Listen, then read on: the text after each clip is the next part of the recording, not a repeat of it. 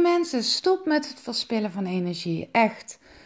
Acuut. Het is zo zonde om energie te verspillen, vooral op de dagen dat je al laag in je energie zit.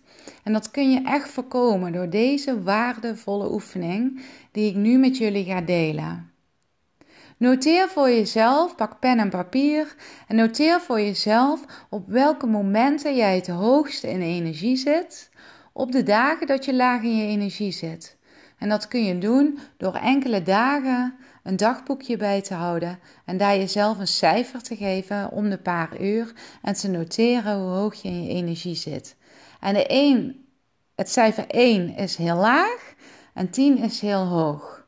En wanneer je tussen de 7 en de 10 scoort, dan is het raadzaam om daar een taak te doen die je moeilijk vindt of niet leuk. Want het is natuurlijk heel erg goed om een wandeling te maken, om een dutje te doen, om jezelf te verwennen met een massage. Maar soms moeten er gewoon dingen gebeuren. En doe die dingen dan op de momenten dat je op die dag het hoogst in je energie zit.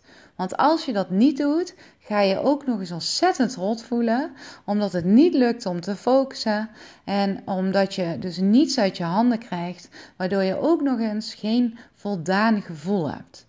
Dus voorkom dat en doe die moeilijke taak of die taak die je helemaal niet leuk vindt op een moment dat je wat hoger scoort. Nou, voor mij geldt het, ik heb ook zo'n dagboekje bijgehouden, dat ik het hoog score tussen 10 en 12 en tussen 5 en 8. Nou, ik sport dan ook het liefst, ondanks dat ik dat wel heel leuk vind en ook belangrijk, tussen 5 en 8, want dan heb ik het meeste energie. En ik doe het allerliefste moeilijke taak achter de computer tussen 10 en 12.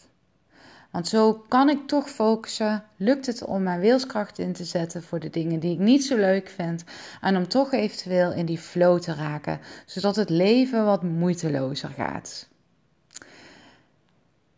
Ik ben heel erg benieuwd hoe dit, uh, of dit werkt voor jou en um, wat jij gaat ondervinden, op welke momenten jij het meeste energie hebt. En ik wens je ook heel veel succes en plezier met het uitvoeren van deze oefening en het managen van jouw energie. Bedankt voor het luisteren en tot de volgende keer. Dit was de podcast Maria's Voice.